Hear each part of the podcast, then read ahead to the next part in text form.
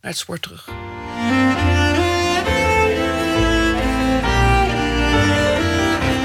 Het spoor terug. In deze Boekenweek gaan we luisteren naar een uitzending van tien jaar geleden... die Jos Palm en Gerard Leenders maakten... in gesprek met literatuurkenner Bertram Maurits... journaliste Sandra Schutte en historicus Wim Berkelaar... over de ultieme verboden vrucht uit de jaren 60, ik Jan Kremer.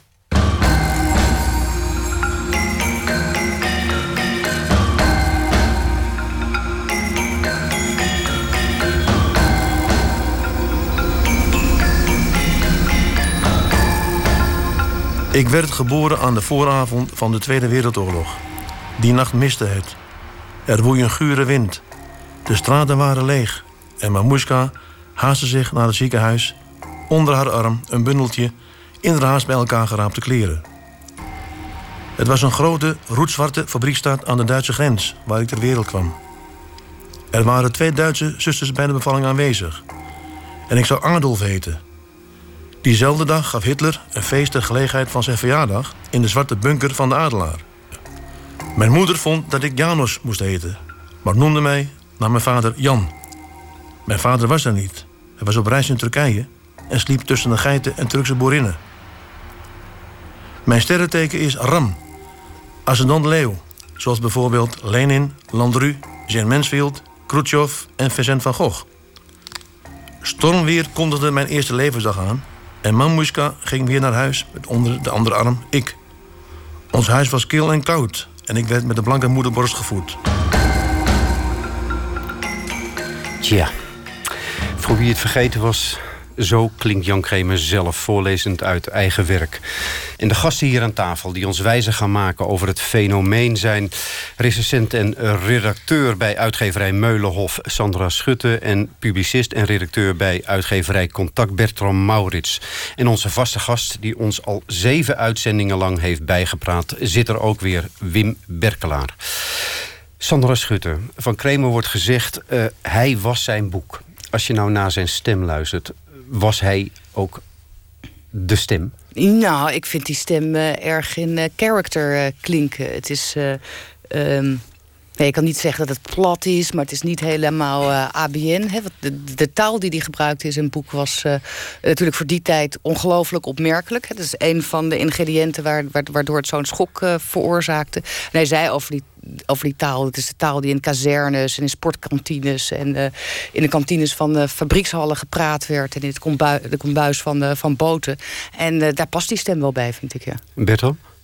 Ja, dit is een, een zelfverzekerde, op het brutale af man die zich onomwonden presenteert. Die zich in de wereld zet voor iedereen duidelijk zicht en hoorbaar. Ja, en, en Wim, is dat ook. Ik hoor ook iets van het van de aarzelingen van het oosten in die stem. Hè? Van het platteland wat zich niet helemaal lekker voelt in... Uh... Ja, die zit erin. Maar ja, kijk, je, je, hebt allemaal, je hoort het allemaal op je eigen manier. Maar mij treft ook altijd die vreselijke opgewektheid van die stem. Dit is, dit, ik heb zo'n gevoel dat deze man is onbekommerd. De Nederlandse schrijvers, ja, dat draagt de thematiek met zich mee... die hebben altijd iets zwaars op de een of andere manier. Zelfs Jan Wolkers, hè, de, de vergelijkbare vitalist. Maar deze man heeft iets onbekommerds. Ongecompliceerd. Nou, dat treft mij altijd in die stem. En, en als we even naar die inhoud gaan... Hè, uh, Tweede Wereldoorlog, geboren op een mistige nacht. Uh, zijn vader die hem Adolf willen noemen. Ja, wat, wat preoccupatie met WO2? Ja, preoccupatie met WO2, maar natuurlijk ook weer die altijd die terugkerende mystificatie van Jan Kremer. Kijk, als hij een datum ziet die hem uh, past, dus 20 april 1940 nou ja, dan heb je die ingrediënten team mee 1940, de inval, 20 april, geboortedag Hitler. En dan Jan Kremer. Ja, dat is, dit, dit is altijd het verhaal natuurlijk van deze man. Ik ben de beste.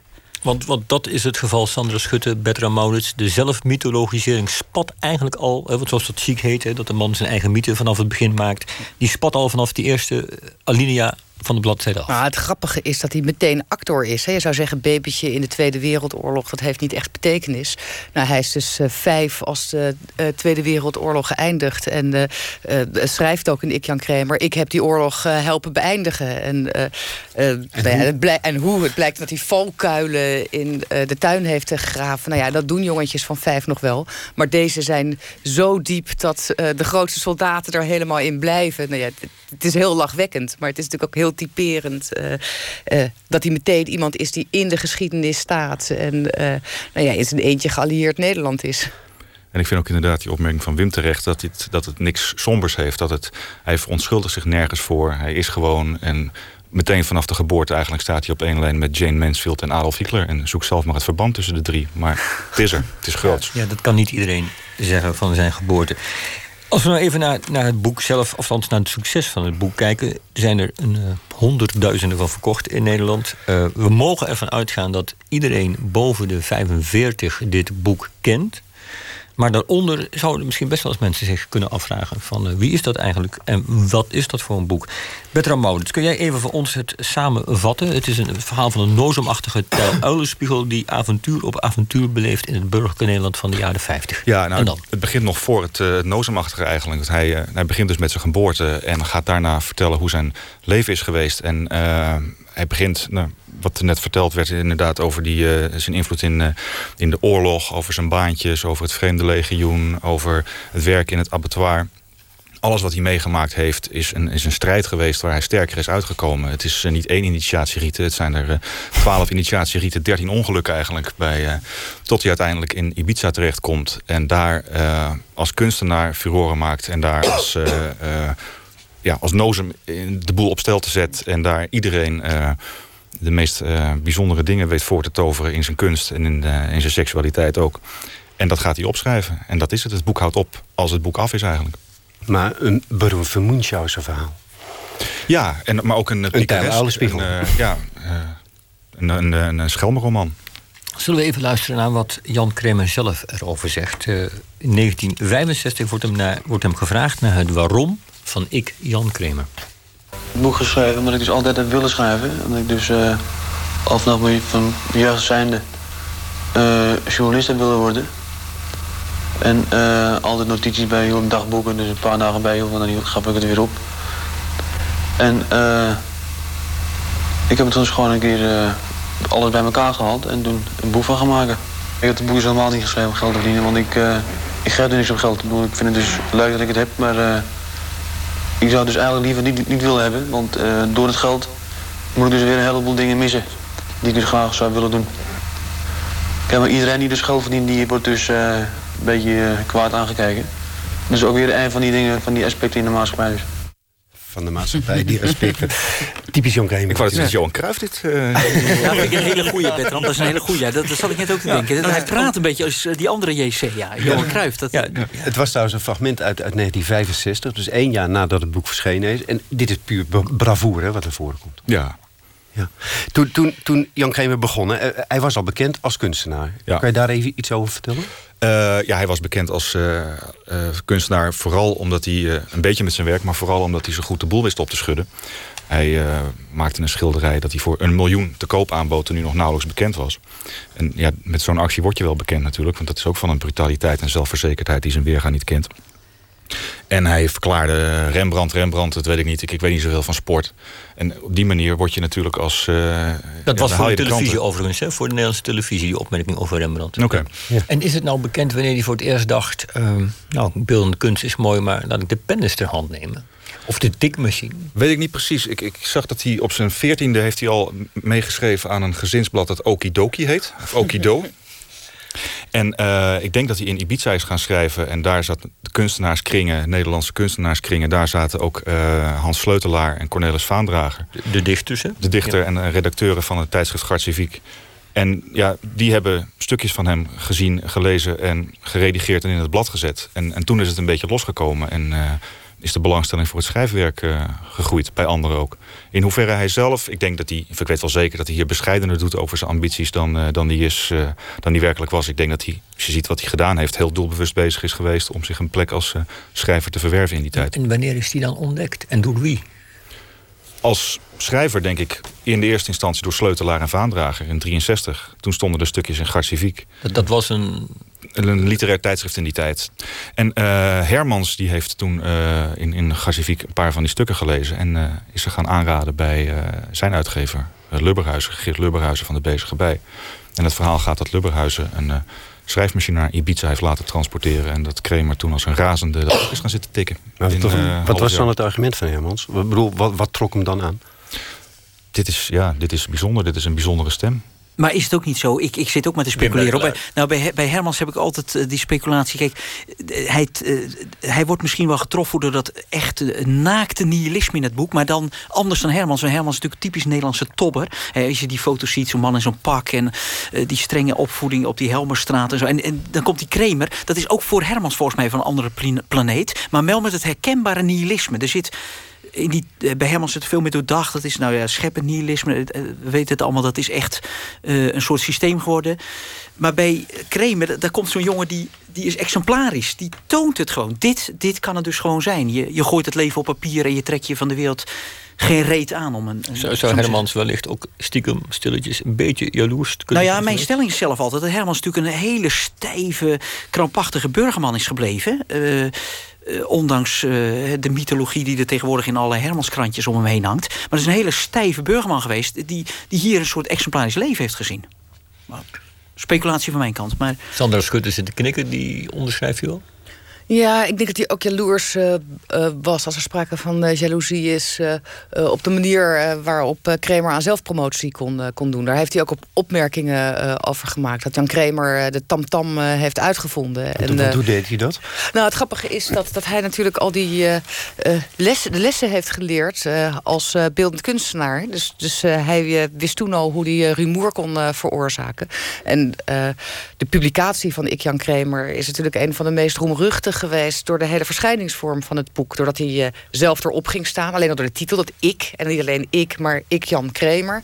Uh, hij stond wijdbeens, uh, zat hij op zijn Harley Davidson. En dat hij moest had ook op de nog, voorkant staan. Dat moest op de voorkant staan. En hij had ook er in een hoekje op laten zetten... de onverbiddelijke bestseller. Er was nog geen boek verkocht. En het hele begrip bestseller was, bestond hier nog nauwelijks. Ja, het is dus, uitgegeven alsof het een soort... alsof het een, een, of het al uitgegeven van was. Een, van een rock'n'roller was. Het is debuutplaten hebben vaak de naam van de maker. En dat zie je bij boeken nooit. Nou, dit komt nog het dichtst bij. Ik, Jan Kramer, van Jan Kramer.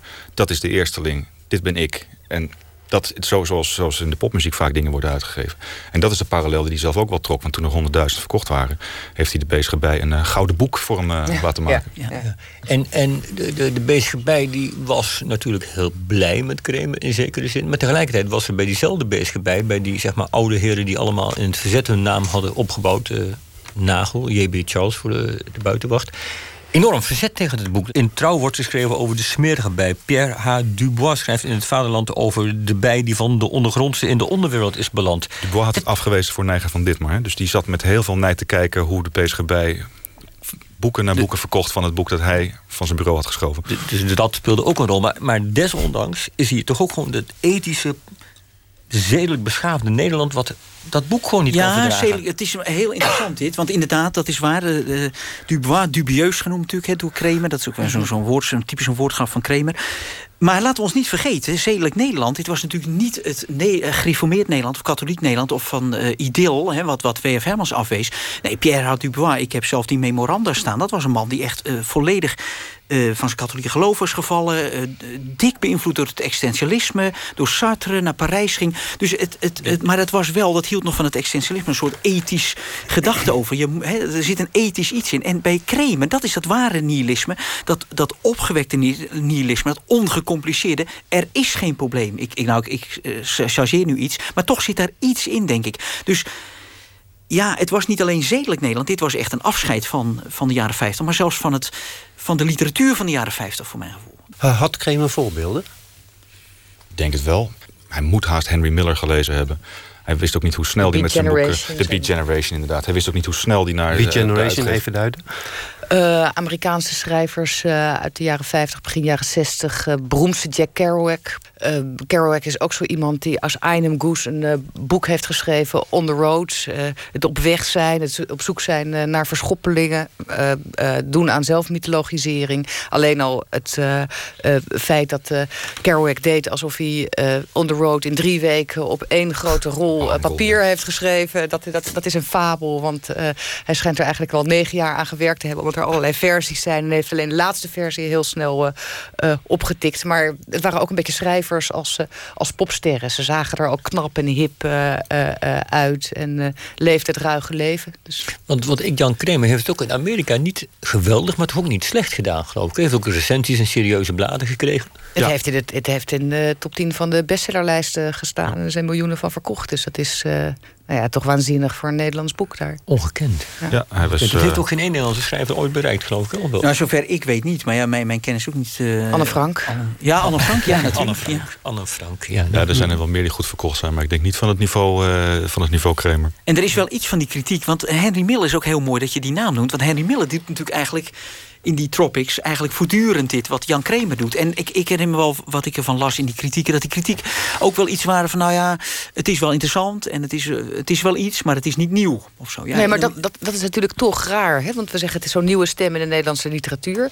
Uh, het humanisme is weg, maar als je kijkt naar de naoorlogse literatuur... begon nog een beetje met Blaman, maar in ieder geval Wolkers, Reven, uh, Moelisch... daar werd ook van gezegd, het zijn de nieuwe lamlendigen. Uh, uh, die werden ook, ook zeer moreel aangevallen. Zelfs Vestdijk is aangevallen op pastoralen. Dat, maar geen, uh... dit ging kennelijk nog een hele stap verder. En het zit natuurlijk ook voor een heel groot deel in het taalgebruik... en, en in die zelfvergroting en dat heel ver doorgevoerde moralisme. Hij, hij hoeft zich ook nergens meer van af te zetten, Kramer. Als je naar Wolkers uh, uh, en Reven kijkt... die moeten hun vrijheid veroveren. En dat doen ze ook heel nadrukkelijk in hun boeken. En nou ja, we zeiden het net al aan het begin... Kramer is als baby al vrij. En heeft zijn vrijheid. Ja. ja. En dat beschrijft hij dan ook. En hij beschrijft het ook op een manier die ontzettend aanslaat. Want uh, het, het, is het gewone volk wat, wat, wat hem eigenlijk uh, de hoogte in... in, in, nou, het steekt eerst nog even, schijnt het het huis van moeder Kremer in brand... Hè, voordat we het gewone volk nu al andere mooie eigenschappen toedichten. Dat, dat, is dat nou ook een mythe of is dat waarheid? Weet, geen, idee. Beetje, geen idee. Nou, in ieder geval zat er wel heel veel zelfmythologie bij. Want hij wist natuurlijk dat niks zo goed was uh, voor een boek als een schandaal. Dus hij heeft zelf wel degelijk een aantal verhalen in de wereld geholpen. Bijvoorbeeld ook dat in de kluisjes van de stations een heleboel boeken lagen. Ik, exemplaren van Ik-Jan Kramer. Omdat forensen het stiekem lazen. De moeder de vrouw mocht het niet merken. ook dat er allemaal maandverbanden bij hem door de brievenbus geduwd werden. Blijkt ook niet waar te zijn. En er is ook zo'n mare dat een politieman het, uit, een station, uit eigen beweging het boek uit een stationskiosk heeft, heeft gehaald. En daar schreef het parool over. En daar kwam een hele hoos instemmende brieven van, van lezers. Totdat bleek dat, het, dat al die lezers de namen hadden van docenten van de kunstacademie waar Kramer ooit op had gezeten. Dus de, ja, ze waren van hemzelf uh, afkomstig. Maar het was ook een, een, publiciteit van, van, van, van mensen van wie je het niet verwacht. Uh, Boer Koekoek schijnt ooit gezegd te hebben... het moet een geweldig smerig boek wezen. Ik lees nooit een boek, maar toen heb ik gedacht... ik zou het wel eens willen lezen om te zien wat smerig is. Waar we nog niet echt heel lang bij stil hebben gestaan... is de stijl en het karakter van het boek. Bertram Maurits, jij koos op ons verzoek een fragment uit Ik Jan Kramer. En voordat we daarna gaan luisteren, wil ik je er even aan herinneren dat jij in een artikel over Ik Jan Kramer het boek typeert als een beeldungsroman. En ik ben eigenlijk razend benieuwd of in dat fragment iets doorklinkt van dat beeldungsroman-ideaal. Hier komt het fragment.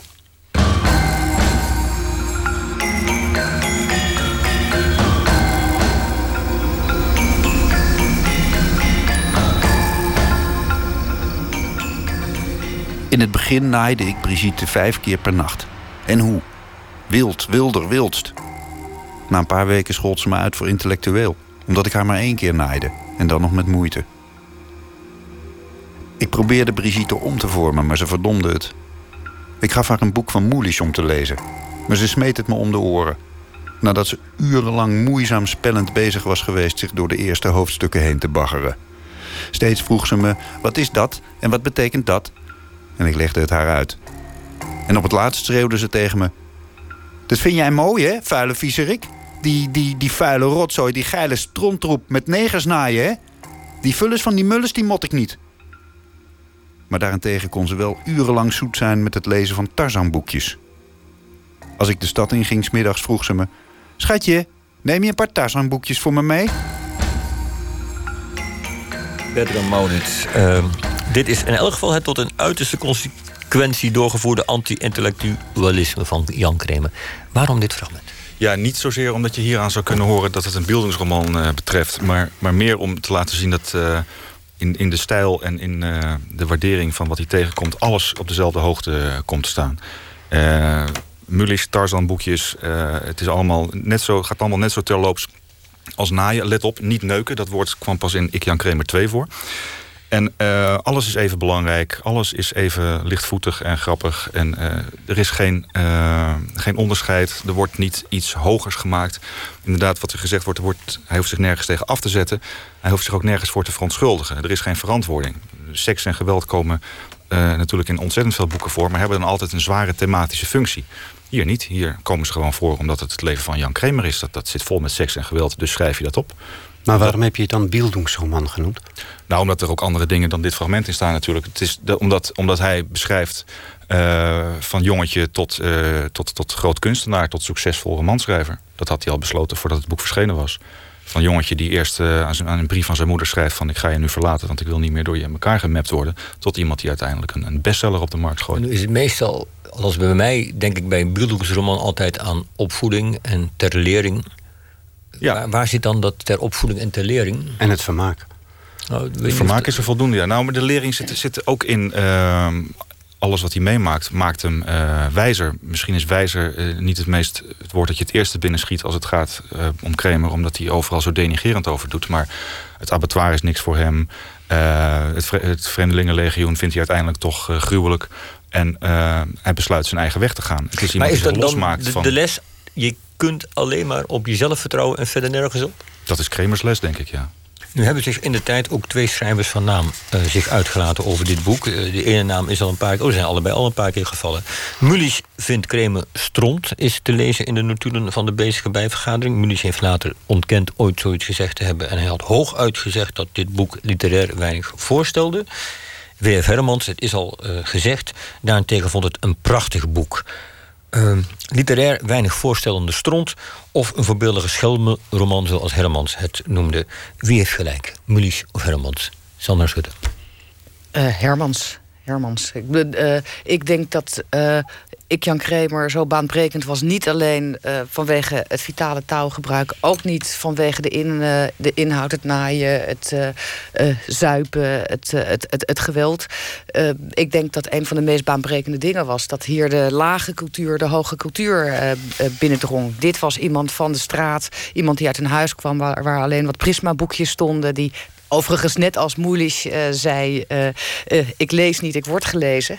Dus uh, Moelisch zegt, ik lees geen schrijvers, ik ben zelf schrijver.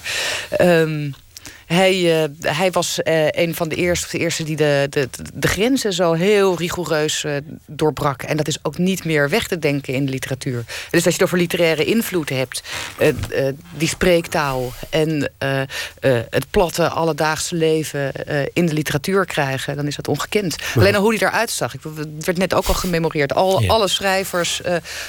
Moelisch was een heer, Hermans was een sombere heer. Maar het waren natuurlijk allemaal nog heel gecultiveerd gecultiveerde uh, mannen. En hij zag eruit als een nozem. Wat Kremer nou eigenlijk voor Nederland betekend heeft... Uh, daar moeten we ook nog even bij stilstaan. We noemden straks al uh, Jan Wolkers. De naam Gerard Dreven viel al. die hadden we dus al eind jaren 50, begin jaren 60. Waar hadden we dan eigenlijk Kremer nog voor nodig, Sandra Schutte? Nou, ik, ik, denk dat ik het net al probeerde te zeggen... dat slechte van die grens tussen hoge en, uh, en lage cultuur.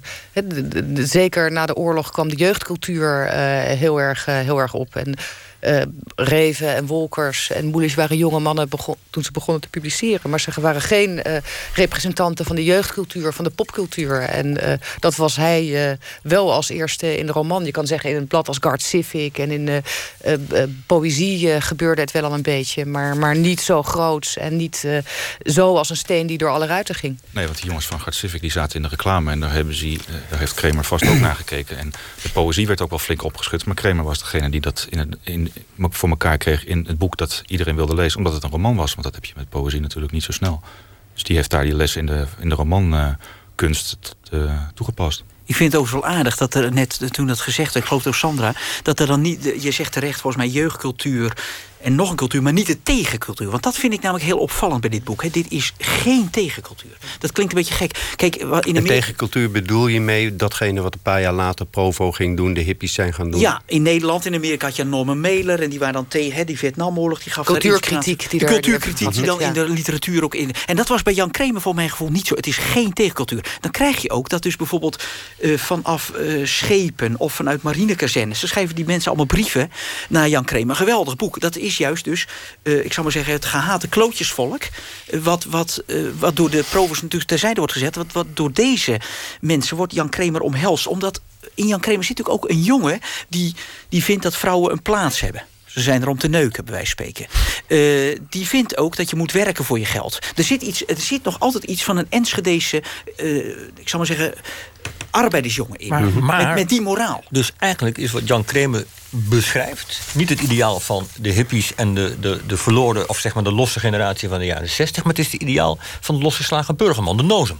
Nou ja, dat is overigens, ja, dat noem ik één keer de naam Mulis. Mulis heeft die stelling in de Gezet van Antwerpen een keer gezegd. Dat staat ook op de 50 druk van uh, Kremer, daar heb ik het gewoon uit. Uh, dit is, en dat doet Mulis uh, Kremer overigens mee onrecht, laat dat erbij worden gezegd. Maar hij raakt wel iets van die achterban. Namelijk, dit is het, het boek van voor en van de losgeslagen burgerman. En nogmaals, dat doet hij Kremer volledig onrecht mee, het fenomeen Kremer. Maar hij raakt wel iets van wat er met dat boek, wat de werking van het boek is voor mijn gevoel ja, hippie, en dat is bij uitstek uh, het collectief. Dat is uh, met z'n mhm. allen voor een betere wereld. En Kramer is bij uitstek het individu. En ik denk ook inderdaad, ja, als het gaat tussen... Uh, wat je net vroeg over, Heer, Reven, nee, over Hermans en Mullis... dan tussen die twee heeft Hermans eigenlijk bijna altijd gelijk. Maar ik denk dat er nog iemand is die nog veel meer gelijk had. Hans Andreas, de vijftiger, die, die schreef ook over het boek in de gids. En die zei van, het heeft niet zoveel met grote kunst te maken... maar het is gewoon een heel fijn boek om te lezen dat vind ik wel een hele mooie oplossing voor het probleem van, van uh, wat moet je er literair mee? Kunnen we dit nog als literatuur bespreken? Uh, en dat is ook, de verantwoording is niet nodig. Dit is een boek om te lezen. Dit is een spannend verhaal. Dit, is niet, uh, dit hoeft niet groter te worden. dit hoef je niet literair te interpreteren. Dit is niet het afstand nemen van een, van een jeugd of van een tijd. Dit is één jongen die één man wordt. Maar waar ik toch nog een beetje mee zit... Hoe, ik voel het als een probleem, maar misschien is het dat helemaal niet dat een boek, wat ik toch typeer als een boek van een, een nozemboek. Met, met, met, met, ja, je mag uit de band springen, maar de, de orde, de samenleving moet je eigenlijk afblijven. Die moet je laten zoals die is. Dat dat bij uitstek het boek wordt wat de naam krijgt dat het ons de jaren 60 heeft ingetrokken. Ik denk dat komt wel weer door die seks. En uh, niet misschien wat Kramer erover zegt, maar heel simpel. Als je seks in die tijd behandelt als iets doodnormaals en uh, iets waar de hoofdpersoon de hele dag mee bezig is, dan maakt het niet uit vanuit welke mentaliteit je dat doet dat is opmerkelijk. Ja, en door het individualisme, kun je zeggen.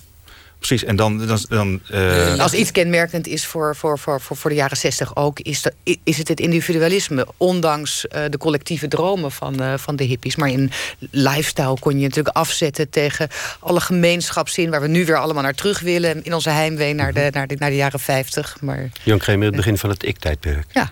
ja, alleen al het ik. Het ik roepen. Ja, dat is wel een hele goeie.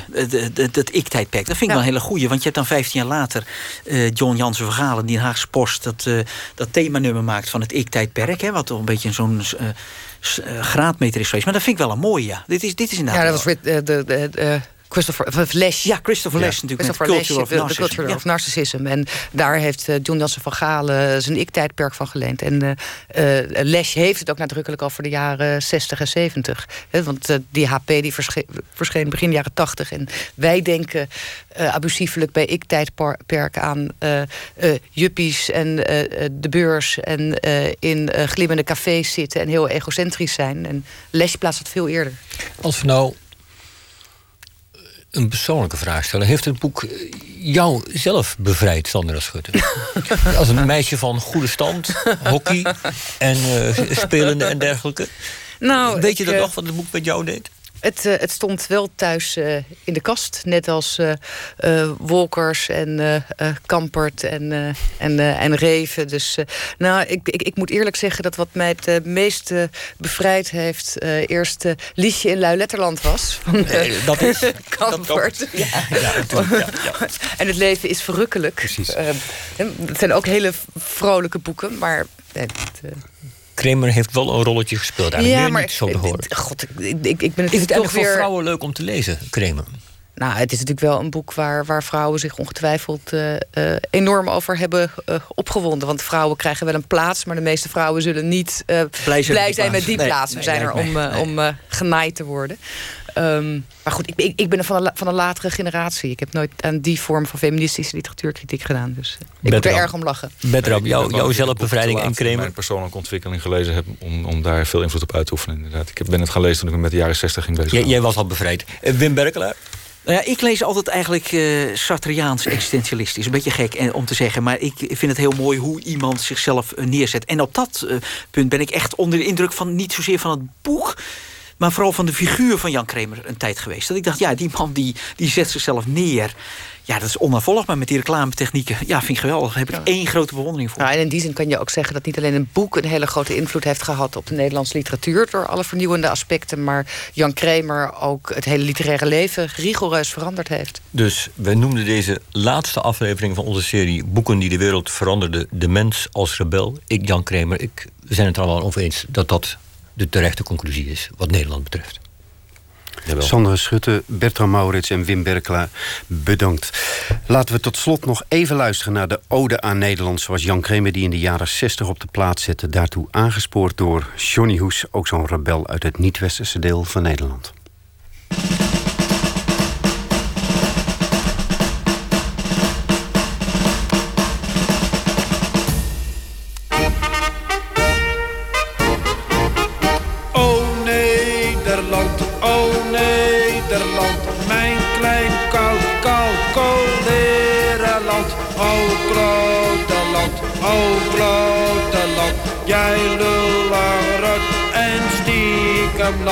Ik hou van jou en blijf je trouw. Mijn Nederland, mijn Nederland. Ik hou van jou en blijf je trouw. Mijn Nederland. Oh Nederland. Zo. U hoorde een gesprek over Ik Jan Kramer van tien jaar geleden. En dat herhaalden wij vanwege het thema van de Boekenweek... Verboden Vruchten.